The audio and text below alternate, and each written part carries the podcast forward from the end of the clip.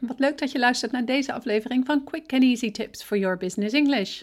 En vandaag heb ik voor jou Zo leid je een zakelijk Engels sollicitatiegesprek, deel 2. Mijn naam is Anneke Drijver van Improve Your Business English en de auteur van het boek Master Your Business English: Communicate with Power in 7 Simple Steps. Ik help jou als ondernemer of toegerichte professional van je middelbare school Engels af, zodat je ook internationaal, met impact en vol zelfvertrouwen in het Engels kunt communiceren maar bovenal volledig jezelf kunt zijn.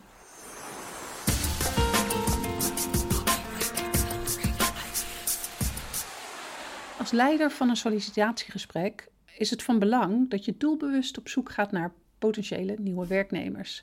Als de verantwoordelijkheid om een goede match te vinden in jouw handen ligt, is het belangrijk om dat bij een sollicitatiegesprek op een goede manier aan te pakken. Eerst een korte recap.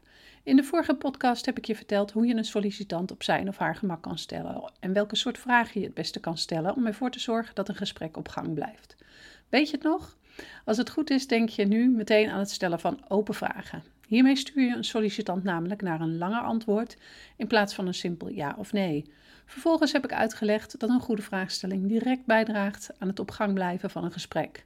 Luister ter illustratie nog eens naar het voorbeeldgesprek in de vorige podcast. Vandaag ga ik nog dieper in op de vraagstelling in een interview. Zoals ik vorige keer aangaf, zijn er namelijk meer soorten vragen die erg relevant zijn wanneer je een sollicitatie leidt, zoals stress questions en hypothetical questions. En waar een vraag is, is een antwoord. Daarom vertel ik je in deze podcast ook welke antwoorden je kunt verwachten en hoe je hierop reageert. Als eerste ga ik het hebben over stress questions. Dit zijn vragen waarmee je de sollicitant in een lastige situatie brengt om erachter te komen hoe ze presteren onder druk. Eigenlijk zegt de naam het ook al. Je geeft je sollicitant stress door het stellen van een bepaalde vraag. Presteren onder druk is bij veel bedrijven een belangrijke skill en daarom is het voordelig om erachter te komen of de sollicitant in staat is dit te doen. Nu volgt een rijtje stress questions die je tijdens een sollicitatie aan een sollicitant zou kunnen stellen. I don't understand your answer. Can you please explain it differently? How do you feel this interview is going? How would you handle undeserved criticism from a superior?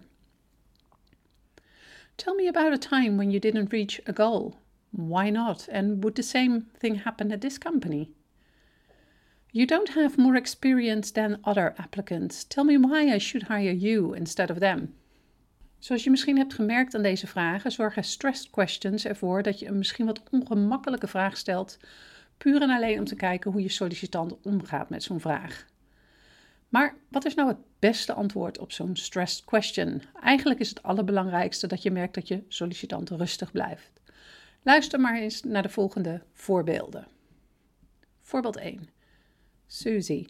Okay, Mark, please tell me about a time when you didn't reach a goal. Why not? And would the same thing happen at this company? Mark. Mm, no, I can't recall a time when I didn't reach a goal. I think I always complete the work I want to complete. I don't see why such a situation would happen at this company. Voorbeeld 2. Susie. Okay, Jack, please tell me about a time when you didn't reach a goal. Why not? And would the same thing happen at this company? Jack, that's a good question there, Susie. Let me think. I do remember one time I took on too many tasks. I created too much workload for myself, resulting in the fact that I had to ask a colleague to take over something. It felt horrible to quit because I didn't reach my goal of completing all the tasks I gave myself. The same thing would definitely not happen at this company. From this situation, I've learned to accurately estimate how much I can do within a certain time span. Therefore, I'll certainly be able to reach future goals. In voorbeeld 1 zorgt de onverwachte vraag ervoor dat Mark snel en zonder nadenken een antwoord geeft. Het is echt al snel duidelijk dat dit voornamelijk een antwoord is dat Susie graag zou willen horen. Dit komt gehaast en ongeloofwaardig over. Hieruit zou Susie kunnen concluderen dat Mark niet goed presteert onder druk. In voorbeeld 2 geeft Jack een rustig antwoord, waarin hij toegeeft dat hij wel eens fouten maakt. Doordat hij laat zien dat hij geleerd heeft van de situatie, maakt Jack een goede indruk. Hieruit kan Susie concluderen dat Jack goed kan presteren onder druk. Ten tweede ga ik het kort hebben over hypothetical questions. Deze vragen kun je als leider van een sollicitatiegesprek gebruiken om erachter te komen hoe een sollicitant denkt over bepaalde zaken. Hoe hij of zij bepaalde problemen zou aanpakken of zou presteren in bepaalde werksituaties. Dit zijn de vragen waarmee je echt een goed beeld kunt creëren van hoe een sollicitant op de werkvloer zou presteren. Daarom is het belangrijk om altijd een aantal hypothetical questions te stellen.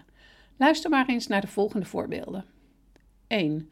What would you do if you were put into a situation where you were required to put in additional effort to complete a task? 2. Do you think you could persuade a coworker to see your viewpoint about the direction of strategy? What techniques would you use to persuade them? 3. How would you make a great impression with a client during a meeting? De antwoorden van de sollicitant zullen heel veel zeggen over hun persoonlijkheid als werknemer. Hebben ze bijvoorbeeld inlevingsvermogen, probleemoplossend vermogen? Zijn ze bereid om af en toe meer werk te verrichten? Hoe reageren ze op onverwachte situaties? Ga zo maar door. Denk dus goed na wat belangrijk is voor jouw bedrijf en pas hier je hypothetical questions op aan. Al met al is het dus van belang dat je voordat een sollicitatiegesprek plaatsvindt, goed nadenkt over de waarden die belangrijk zijn voor jouw bedrijf. Pas vervolgens je vragen hierop aan om erachter te komen of een sollicitant goed in je team werknemers past. Heb je verder nog vragen over het leiden van een sollicitatieprocedure? Laat het ons weten. En als je deze aflevering hebt geluisterd, zou ik het enorm op prijs stellen als je een review voor ons zou willen schrijven op SoundCloud, iTunes of YouTube. Dit helpt anderen weer om onze podcast te vinden en daarmee hun Engels te verbeteren.